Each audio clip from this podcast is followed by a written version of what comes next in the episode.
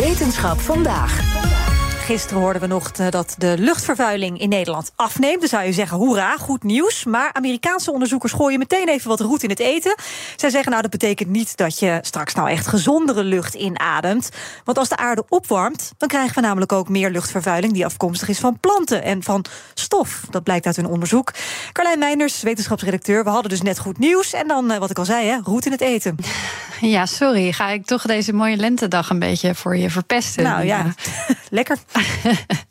maar ik ga het wel nuanceren. Eerst even uh, wat deze onderzoekers dan zeggen. Ze hebben dus niet gekeken naar menselijke uitstoot, maar naar plantenuitstoot en stof. Die gaat volgens hun berekeningen toenemen met 14% bij een stijging van 4 graden. Een temperatuurstijging van 4 graden. Gaan ze dus uit van een flink hoge temperatuurstijging. Ja, dat is slecht nieuws. Maar ook bij minder, ja, maar ook bij minder stijging groeit die uitstoot. Uh, twee derde van de uitstoot totaal zou straks volgens hun van planten afkomstig zijn. Dat is een behoorlijk aandeel. Maar waarom is dat slecht voor de luchtkwaliteit? Nou uh, ja, uh, die planten die stoten dus biogene, vluchtige organische componenten uit. Wat? Um, ja, ja, ja. Als je het gras ruikt nadat het net is gemaaid, of je ruikt aan een stuk fruit om te kijken of het rijp is. Nou, dat zijn ook deze chemische stofjes, die BVOC's. Ja? Die stofjes zijn op zichzelf niet ongezond, maar reageren ze met zuurstof.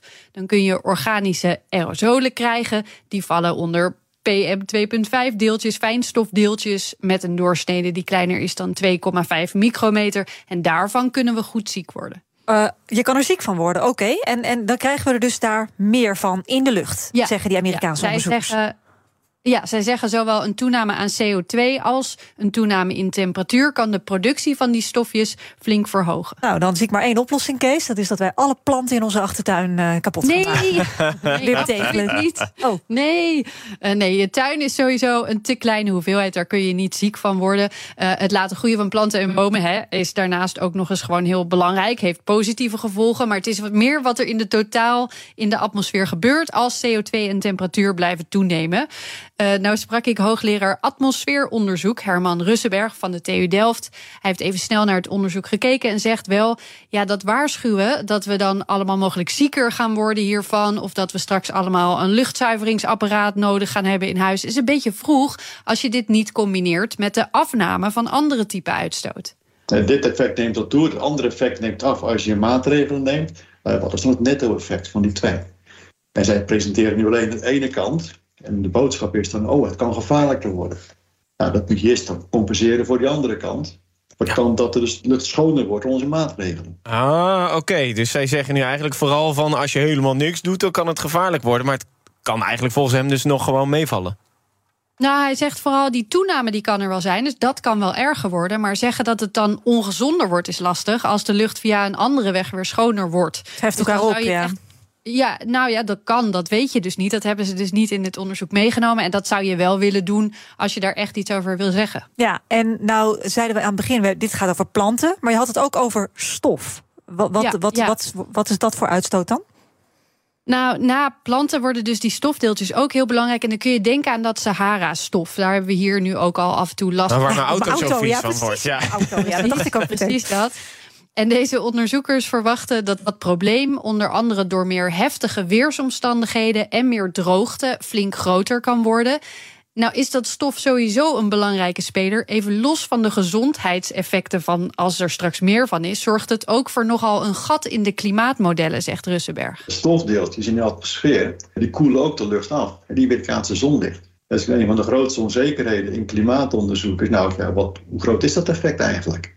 Nou ja, Carlijn, hoe groot is dat effect? Dat is een goede vraag. Nou, zou ik eens even vertellen. Nee, dat weten we dus nog helemaal niet zo goed. Die interactie tussen stof en straling en wolkenvorming... en hoe die is gekoppeld aan de bron, dat is een hele lastige. En dat is een van de dingen waar Russenberg binnen het Ruisdaal-consortium naar kijkt met collega's. Daar zitten alle universiteiten van Nederland in... die maar iets met klimaat, atmosfeeronderzoek doen, plus het KNMI, RIVM uh, en TNO. Maar ook als je naar dit Amerikaanse onderzoek kijkt, ze nemen als voorbeeld een opwarming van 4 graden, hè, mm -hmm. maar nemen daarbij bijvoorbeeld niet dat effect van die mogelijke afkoeling mee door dat stof. Dus nee. dat zou je dan ook willen doen. Ja, en zou dat dan ook iets zijn wat je juist wilt stimuleren? Hè? Dat je eigenlijk zegt van nou, we moeten het een beetje, het klimaat mag niet te veel stijgen, uh, de temperatuur, dus dan gaan we het afkoelen via die weg. Ja, nou sowieso zou ik zeggen uh, dat geld eerst alles op alles zetten om die stijging af te remmen. Mm -hmm. uh, dat betekent ook slim stemmen. Ja, en de uitstoot betekent ook slim stemmen deze maand. Want voor dit soort onderzoek is geld nodig. Dus welke partijen daarover beslissen is gigantisch belangrijk. Maar er wordt ook al gesproken over kunnen we technieken ontwikkelen die ingrijpen. En dan niet in één stad of naast één fabriek, maar echt op wereldschaal. Je kunt erop wachten, zegt Russenberg, dat die roep alleen maar groter wordt. Dus je je beter voorbereiden door onderzoek te gaan doen. En naar dat soort technieken. Maar tegelijkertijd is er ook een beweging die zegt: ja, dan moet je, dat is eng, dat is gevaarlijk, dat onderzoek moet je niet gaan doen. En wij hebben gisteren dan een uh, open brief uh, gepubliceerd met allemaal handtekeningen van wetenschappers wereldwijd. Waarin we juist een pleidooi maken voor dit soort onderzoek, maar ook voor de voorwaarden waarin zo'n onderzoek moet voldoen, omdat het inderdaad uh, ingrijpend kan zijn. Het, het, klinkt bij elkaar toch stiekem een beetje eng. Dat je eigenlijk een beetje op die manier kan klooien met de atmosfeer. Of ga ik dan te ja, ver? Nou, ik, er is zo'n film, Geostorm, geloof ik. Uh, dat ze het weer op aarde onder controle houden met een satelliet. En die wordt dan gehackt. En dan ontstaan er overal grote rampen. Uh, ik snap dat dat een beetje het beeld is dat je hierbij krijgt. Maar ik denk dat hij wel gelijk heeft. Het is beter dat we alvast kijken of het überhaupt kan. En of het veilig kan. Dan dat we straks overrompeld worden door niet goed onderzochte, ambitieuze plannen voor zo'n systeem. En natuurlijk snappen hoe deze processen überhaupt werken. Dat weten we dus nog niet nee. Tot in alle details. Is gewoon heel erg belangrijk. En gelukkig wordt daar hard aan gewerkt. Dat is in elk geval goed nieuws. Dankjewel, Carlijn. Business Booster. Hey ondernemer, KPN heeft nu Business Boosters. Deals die jouw bedrijf echt vooruit helpen. Zoals nu, zakelijk tv en internet, inclusief narrowcasting... de eerste 9 maanden voor maar 30 euro per maand. Beleef het EK samen met je klanten in de hoogste kwaliteit. Kijk op kpn.com businessbooster. Business Booster.